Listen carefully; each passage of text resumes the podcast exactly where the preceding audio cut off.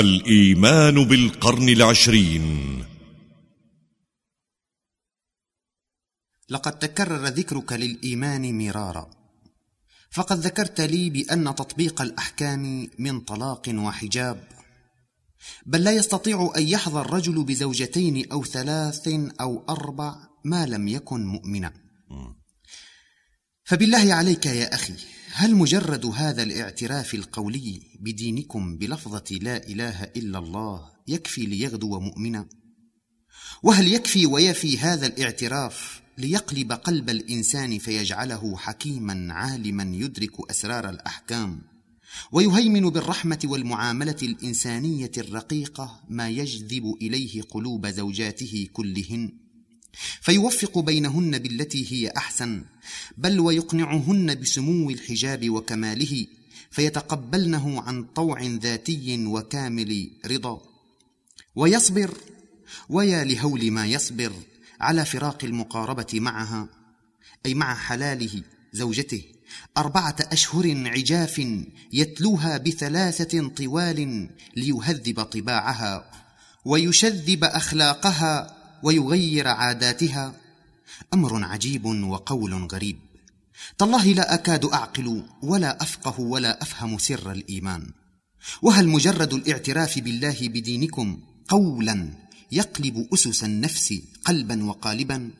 فيجعل من سوادها الفحمي ماسا ومن قسوتها الصلبة ماء رحمة غدقا ومن ميولها الشهوانية الغريزية العمياء إنسانية مبصرة رحيمة رؤوفة. بربك يا أخي الباحث بين لي حقا ما هو الإيمان العجيب هذا. ليس الإيمان لفظا يكرر. فشهادة أن لا إله إلا الله تستغرق سعيا كما تستغرق شهادة الثانوية وقتا. وشهادة التقوى العليا تماثل شهادة الدكتوراه. فهل يصبح طبيبا؟ من قال أنا طبيب. لابد من سلوك بالدراسة وسعي واجتهاد. ليس المقصود بالإيمان بالله تعالى الاعتراف بوجود الخالق ذلك الاعتراف القولي الذي يدور على ألسنة العامة من الناس. لأن مجرد الاعتراف بوجود الخالق لا يسمى ايمانا. وهو لا يغرس في قلب صاحبه مكرمة أو يكسبه فضيلة أو ينتزع من نفسه خبثا كما لا يدخله في الآخرة جنة أو يقيه نارا. وقد ضرب لنا تعالى على ذلك إبليس مثلا. وذكر لنا في القرآن الكريم اعترافات إبليس بوجود خالقه وإقراره له بالربوبية والعزة. أعوذ بالله من الشيطان الرجيم. قال يا إبليس ما منعك أن تسجد لما خلقت بيدي أستكبرت أم كنت من العالين؟ قال أنا خير منه خلقتني من نار وخلقته من طين. قال فاخرج منها فإنك رجيم. وإن عليك لعنتي إلى يوم الدين. قال رب فأنظرني إلى يوم يبعثون. قال فإنك من المنظرين. إلى يوم الوقت المعلوم. قال فبعزتك لأغوينهم أجمعين إلا عبادك منهم المخلصين.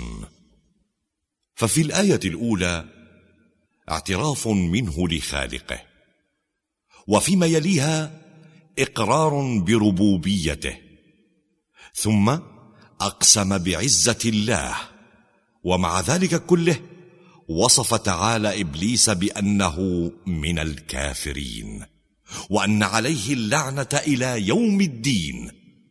وكذلك اليهود ما كان اعترافهم بخالقهم ليردهم عن طغيانهم. قال تعالى في سورة البقرة واذا قيل لهم امنوا بما انزل الله قالوا نؤمن بما انزل علينا ويكفرون بما وراءه وهو الحق مصدقا لما معهم قل فلم تقتلون انبياء الله من قبل ان كنتم مؤمنين واذا فليس الإيمان بالخالق اعترافا قوليا إنما هو شعور داخلي ولده في النفس بحث ذاتي وتفكير متواصل بالآيات الكونية. إذ الصنع يدل على الصانع فجعل صاحبه يسبح في جلال الله ويخر ساجدا لعظمته فيشتق منه تعالى صفات الكمال ولا تكمل النفس إلا بربها. وهكذا فالإقرار النفسي المبني على النظر بالعين بالآيات الكونية بصدق والموصل إلى النظر بالنفس أي بعين القلب كما نظر أبونا إبراهيم عليه السلام والمقرون بذلك الشعور والتذوق المنبعث من قرارة النفس نتيجة الصلة بالله هو الإيمان الصحيح. وما سواه مما يتلقنه الإنسان من أبيه وأمه أو البيئة التي ينشأ فيها تلقنا ولا ينبعث في النفس متولدا عن نظر وتفكير ووصول بالأصول ما هو بالإيمان المطلوب.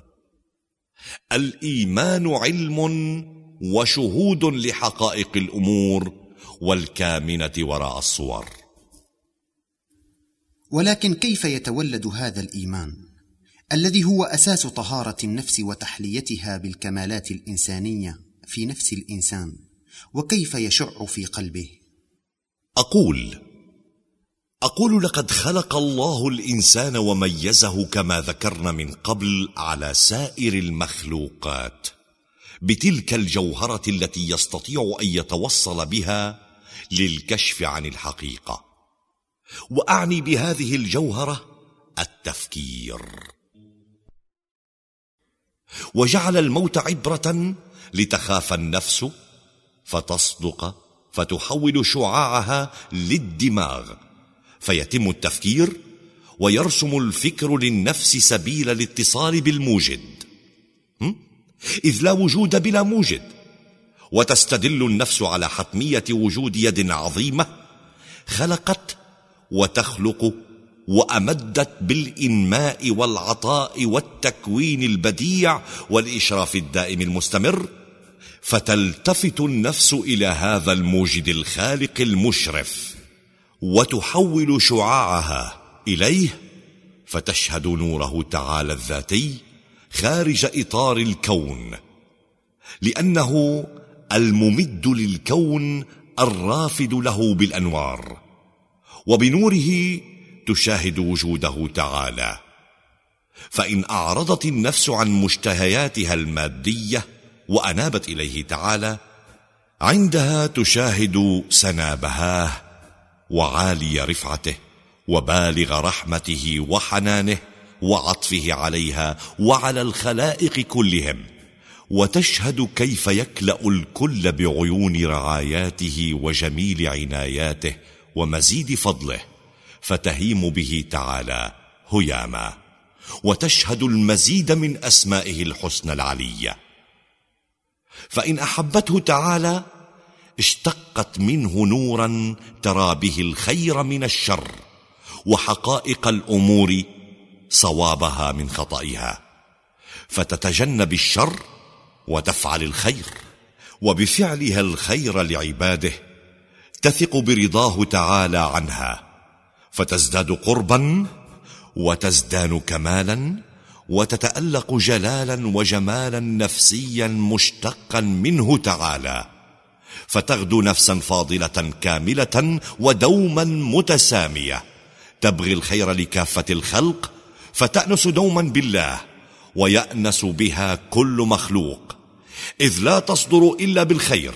ولا تفعل مكروها أو أذى لأحد من الخلق. ولكن يا أخي المؤمن على ما استندت هذه النفس الطالبة للحق في عروجها لذي الجلال والإكرام.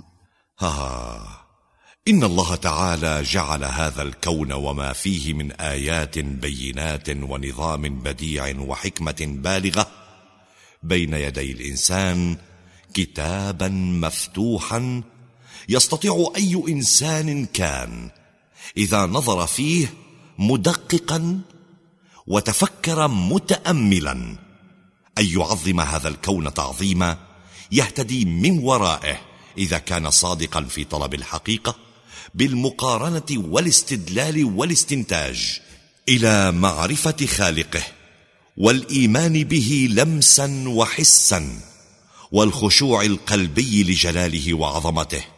فمعرفة المربي للكون هي النبراس الذي يصل بالإنسان إلى مشاهدة الحقيقة وهي السبب في الوصول إلى الخير والسعادة. وهل يستطيع أي إنسان رهبت نفسه الموت ووحشته والحياة النفسية بعده وتحت التراب وعلمت أنها لابد أن تموت فخافت وحولت شعاعها لآيات الكون أن تستدل وتصل لمسا وحسا للإله وبماذا؟ أجل لقد وهب الله الناس جميعا الفكر. تلك الأداة التي يستطيعون بوساطتها أن يصلوا إلى معرفة خالقهم ومربيهم. وجعل لهم السمع والأبصار والأفئدة وبث في هذا الكون ما لا يحصى من الآيات التي تساعد الفكر على البحث والاستدلال. فمن استفاد من هذه الجوهرة الثمينة وأشغل فكره وأعمله في معرفة خالقه ومربيه فقد ظفر بالسعادة وفاز. ومن أشغل هذا الفكر وأعمله في السعي وراء المكاسب الدنيوية وتأمين الشهوات الدنية فقد خاب وخسر هذه الحياة. قال تعالى في سورة الكهف قل هل ننبئكم بالأخسرين أعمالا؟ الذين ضل سعيهم في الحياة الدنيا وهم يحسبون أنهم يحسنون صنعا. أولئك الذين كفروا بآيات ربهم ولقائه فحبطت أعمالهم فلا نقيم لهم يوم القيامة وزنا. ذلك جزاؤهم جهنم بما كفروا واتخذوا آياتي ورسلي هزوا. إن الذين آمنوا وعملوا الصالحات كانت لهم جنات الفردوس نزلا. خالدين فيها لا يبغون عنها حولا. صدق الله العظيم. وينضوي تحت كلمة الإيمان. نقاط إذا توصل إليها الإنسان كان إيمانه صحيحا منجيا مولدا في نفسه الكمال. وأعني بتلك النقاط أن يتوصل الإنسان بفكره إلى أن له خالقا خلقه وأوجده على هذا الكمال وأن هذا الخالق هو المربي القائم على تربيته والمتكفل بكل احتياجاته ورزقه. وأن ينتهي به تفكيره أخيرا إلى أن خالقه ومربيه هو الإله المسير الذي بيده مقاليد الأمور كلها وسير المخلوقات جميعها. فما من حركة في الكون إلا وهي راجعة إليه تعالى. وما من سير الا به. فاذا تحققت هذه النقاط في نفس الانسان كان ايمانه صحيحا. اما الذين يعتقدون بوجود الخالق اعتقادا لم يرافقه تحقق النفس من هذه النقاط التي ذكرناها. فليس ايمانهم بالايمان الصحيح ولا المنجي من الهلاك. ولا المكسب للفضائل والقيم الإنسانية التي تسمو بالإنسان إلى الكمال الإنساني لينهض بأخته وأخيه بالإنسانية إلى السعادة. وقد أشار تعالى في القرآن الكريم إلى الطريق التي يستطيع أن يتوصل بها الإنسان إلى هذه النقاط التي يتم التفكير بها للوصول بالاصول خلقكم من نفس واحدة ثم جعل منها زوجها وأنزل لكم من الأنعام ثمانية أزواج. يخلقكم في بطون أمهاتكم خلقا من بعد خلق في ظلمات ثلاث. ذلكم الله ربكم له الملك لا إله إلا هو. فأنا تصرفون. صدق الله العظيم. فهذه الآية الكريمة. إنما تعرفك بآن واحد بخالقك ومربيك ومالكك وإلهك مسيرك. فإذا رجعت إلى نفسك لما كنت جنينا في بطن أمك فلا بد أنه ستتوارد عليك طائفة من الأسئلة فتقول من الذي خلق هذه النطفة وأوجدها؟ من أوجدها من أمشاج مجموعة زروع وثمرات؟ ولا شك أن تفكيرك يعرفك بأن خالقا أخرجك من طيات العدم إلى الوجود وجعلك في هذا المستودع الأمين. من الذي جعل يربي هذه النطفة وينميها حتى تطورت من علقة إلى مضغة إلى أن أصبحت إنسانا سويا. إن هذا يعرفك بأن لك مربيا أمدك بالغذاء شيئا فشيئا وأحاطك برعايته حتى نموت متدرجا من حال إلى حال. وأخيرا تجد نفسك أمام الجواب على سؤال. إذ تقول من الذي كان يقلبني من طور إلى طور؟ فمن نطفة إلى علقة ومن علقة إلى مضغة ومن مضغة إلى عظام إلى أن أصبحت مخلوقا كاملا وانسانا سويا. إن هذا التطور والتحول لا بد له من مقلب محول. وهذا التسيير والتحويل لا بد له من مسير ومحول. وعندئذ تؤمن بأن الخلق والتربية والتسيير كل ذلك أشرفت عليه عين ساهرة. ورعته ورعت الخلائق كلها معه عناية واحدة. وذلك ما أشارت إليه الآية الكريمة التي قدمناها في قوله تعالى ذلكم الله ربكم له الملك لا إله إلا هو فأنا تصرفون. إن الوصول إلى هذه النقطة الهامة وهي معرفة الإنسان أن له خالقا مربيا وإلها مالكا مسيرا هي الخطوة الأولى في طريق الإيمان. فإذا استطاع الإنسان أن يخطوها انفتح أمامه أفق جديد من البحث وهو السعي وراء معرفة من هو هذا الخالق المربي والمالك المسير. وذلك ما ورد في القرآن الكريم ضاربا المثل في هذا البحث بسيدنا إبراهيم عليه السلام.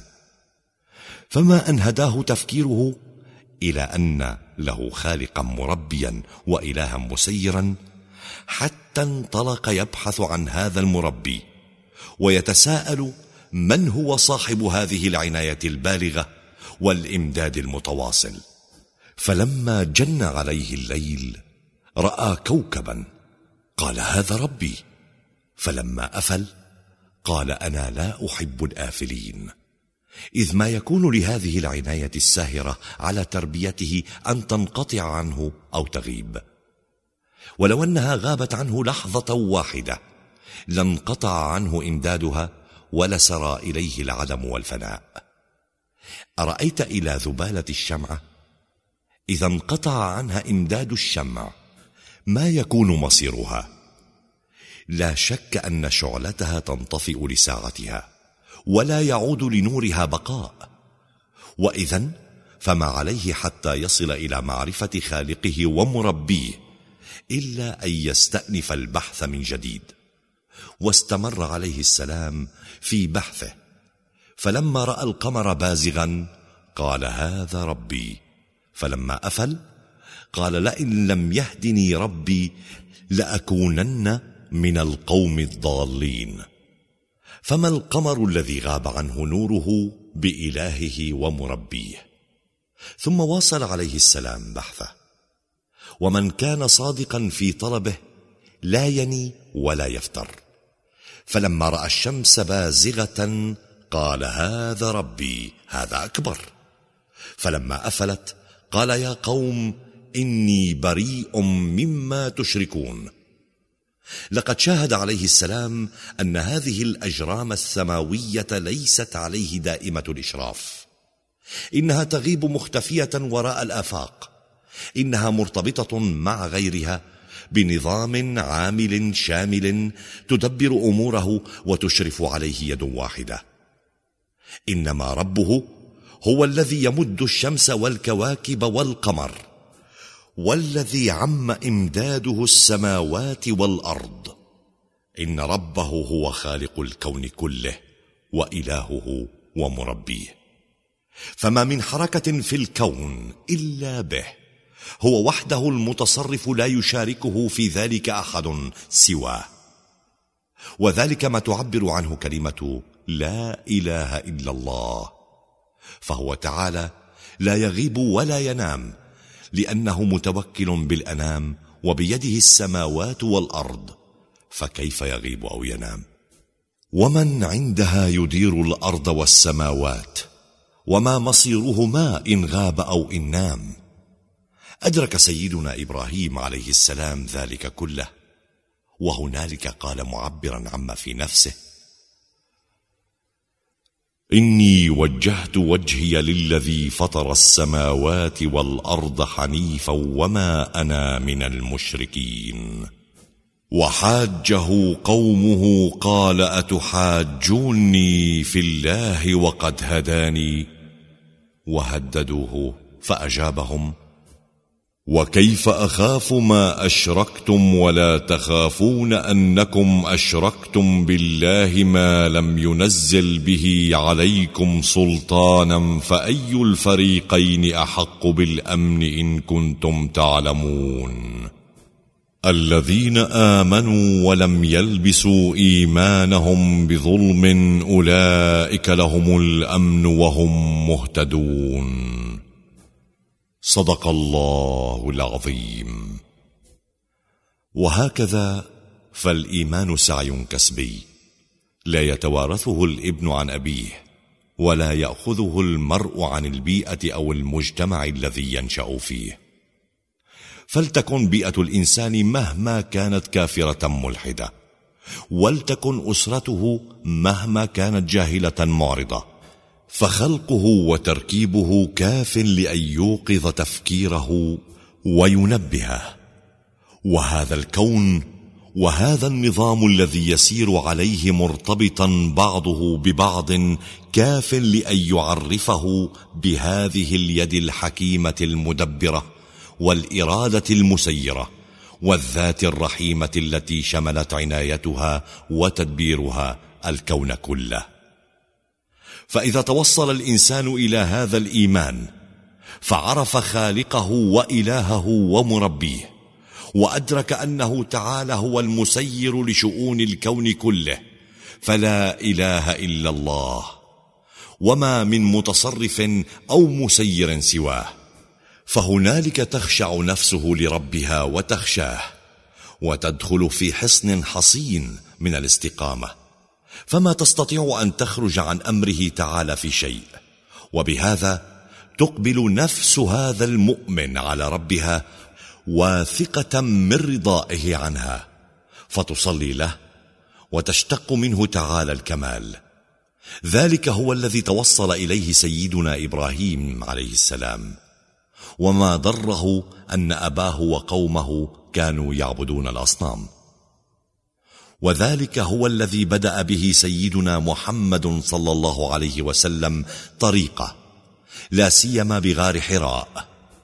وما زال يتدرج فيه ويعرج في الكمال من حال إلى حال حتى بلغ سدرة المنتهى ووصل المقام الذي لم يدانه فيه إنسان. تلك هي الطريق الوحيدة للوصول إلى الكمال. وما سوى ذلك مما يزعمونه من حادثة شق الصدر وإخراج حظ الشيطان إنما هي ترهات وأوهام. فسبيل الإيمان واضحة جلية وطريق الكمال مفتوحة لكل نفس صادقة. تلك هي الطريق التي سلكها سيدنا إبراهيم عليه السلام وجميع الأنبياء والمرسلين ومن تابعهم من المؤمنين. وقد أمر الله تعالى جميع العباد بسلوكها واقتفاء أثرها ليلحقوا بأولئك السابقين الأولين من الأنبياء والمرسلين. أولئك الذين هدى الله فبهداه مقتده. قال تعالى في سورة الأنعام ذلك هدى الله يهدي به من يشاء من عباده ولو أشركوا لحبط عنهم ما كانوا يعملون. فكلمة من يشاء أي كل من شاء بصدق وسلوكية إيمانية والإيمان بالملموس والمحسوس. فدين الإسلام دين حقائق لا مجرد كلام الإيمان الذي ينتج شهودا لنور الله نورا غير منبعث عن المادة أو عن الأضواء الكونية نورا أشد وأسمى من كافة الأنوار المادية. نورا تشاهده النفس يقينا فتشهده بعين البصيرة لا بعين الرأس.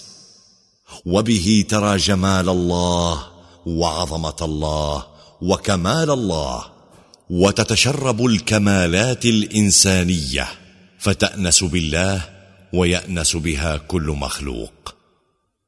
وبسلوك طريق الإيمان العملي آتى تعالى المرسلين والنبيين ما آتاهم. قال تعالى في سورة الأنعام أولئك الذين آتيناهم الكتاب والحكم والنبوة فإن يكفر بها هؤلاء فقد وكلنا بها قوما ليسوا بها بكافرين.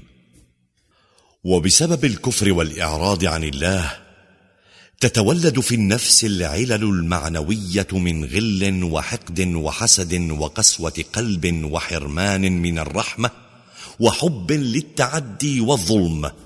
إلى غير ذلك من الرذائل والصفات المنحطة الذميمة. وهنالك يدلك الشيطان إلى النفس التي امتلأت بهذه العلل وأضحت مشحونة بالخبث. يزين لها سوء أعمالها فتراها حسنة. وتلك العلل المتولدة في النفس المعرضة هي حظ الشيطان من الإنسان. ومن أحسن الأمثلة للأنفس في هذا الموضوع مثل غرفتين إحداهما معرضة لنور الشمس والأخرى مظلمة محرومة منها. فلا شك أن الأولى تتعرض لنور الشمس فتصبح طاهرة نقية. ولا شك أن الثانية بحرمانها من النور. تنبت فيها الجراثيم والعفونات وتغدو خبيثة الرائحة ملوثة الهواء. ذلك هو مثل الأنفس في إقبالها على الله وبعدها وإعراضها عنه. فالمقبلة عليه تصبح طاهرة نقية تتولد فيها الفضائل وتنطبع فيها الكمالات. والمعرضة عنه تعالى يتولد فيها الخبث وتنشأ فيها العلل المعنوية المنحطة. غير أن هذه النفس المعرضة التي وهبها الله تعالى من الاستعداد ما تستطيع به أن تتراجع عن غيها لا يأسا من شفائها مما هي مصابة به. فالأمر موكول إلى هذا الإنسان وحده. قال تعالى في سورة الرعد إن الله لا يغير ما بقوم حتى يغيروا ما بأنفسهم. فإن رجع الإنسان إلى نفسه بالتفكير واهتدى من وراء تفكيره إلى خالقه فأناب إليه وأقبل عليه تعالى بكليته. فهنالك يمسح النور الإلهي صفحات النفس فيعيد إليها طهارتها ونقاءها. ويرجع بها إلى فطرتها. قال تعالى في سورة الروم فأقم وجهك للدين حنيفا فطرة الله التي فطر الناس عليها لا تبديل لخلق الله. ذلك الدين القيم.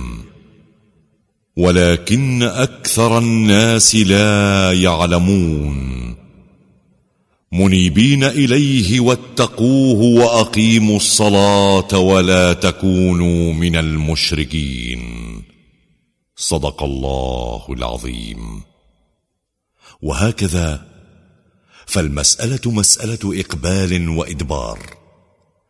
فمن فكر وأناب وأقبل على الله تعالى تحلت نفسه بالفضائل وطهرت من العلل وامتلأت بالكمال ومن استكبر وأعرض انحطت نفسه وتدنت وتلوثت بالعلل المعنوية والأدران. وكفى بالله دليلا للمتحيرين وغياثا لأي مستغيث ولا يلقاها إلا طالبو الإيمان. أولئك في الدنيا هم السعداء. ارجع لذاتك قد أعطاك جوهرة رب الخليقة كي تنجو من العلل. ارجع لذاتك قد أعطاك جوهرة رب الخليقة كي تنجو من العلل. ارجع إلى ذاتك قد أعطاك جوهرة. رب الخليقة كي تنجو من العلل. وسر كما سار إبراهيم سيدنا. وسر كما سار إبراهيم سيدنا. وأحمد الخلق وأحمد الخلق أضحى سيد الرسل. وأحمد الخلق أضحى سيد الرسل. ارجع إلى ارجع لذاتك قد أعطاك جوارة. رب الخليقة كي تنجو. من العلل. كي تنجو من العلل. وسر كما سار إبراهيم سيدنا وأحمد الخلق وأحمد الخلق وأحمد الخلق أضحى سيد الرسل. وأحمد الخلق أضحى سيد الرسل. وأحمد الخلق أضحى سيد الرسل. وسر كما سار إبراهيم سيدنا. وأحمد الخلق أضحى سيد الرسل.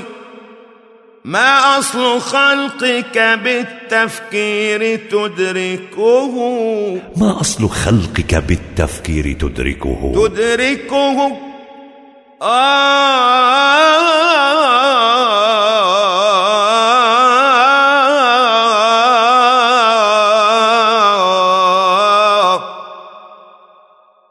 من نطفة لا ترى. ذراتها المقلي. من نطفة لا ترى ذراتها المقلي. ما أصل خلقك بالتفكير تدركه؟ من نطفة لا ترى ذراتها المقل أمن رعاك ومن سواك في رحم؟ أمن رعاك ومن سواك في رحم؟ أمن رعاك ومن سواك في رحم؟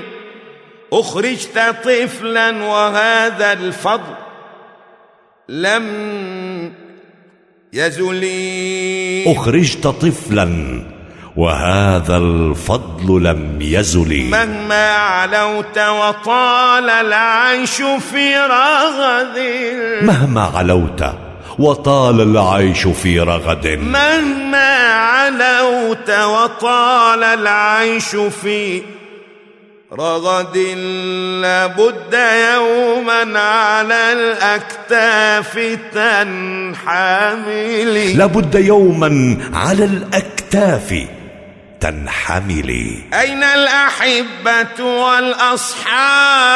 أين الأحبة؟ قد رحلوا في ظلمة القبر مرهوب بلا آمل. أين الأحبة؟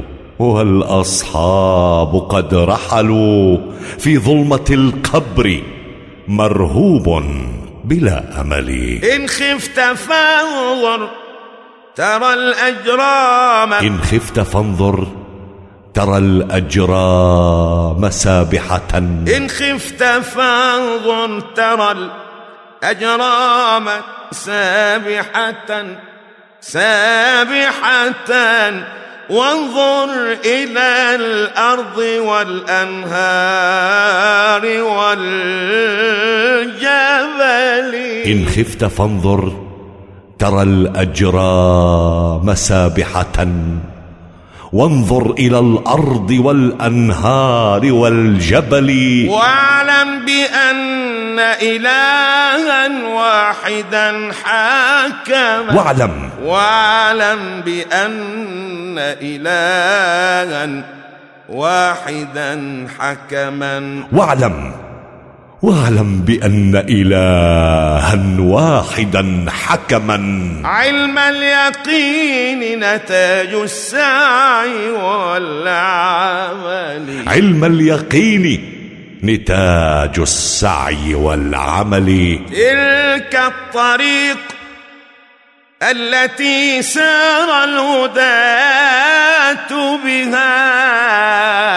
تلك الطريق التي سار الهداة بها. والمؤمنون وإن شئت الهدى تصلي والمؤمنون وإن شئت الهدى تصلي والمؤمنون وإن شئت الهدى وإن شئت الهدى تصلي يا رب بالمصطفى بلغ مقاصدنا واغفر لنا ما مضى يا واسع الكرم تطلب كتب فضيلة العلامة الإنساني محمد أمين شيخو من كافة مكتبات القطر للاطلاع على مزيد من علوم وأبحاث العلامة الجليل يمكنكم زيارة موقع علوم العلامة على شبكة الإنترنت. موقع علوم العلامة الإنساني محمد أمين شيخو قدس سره.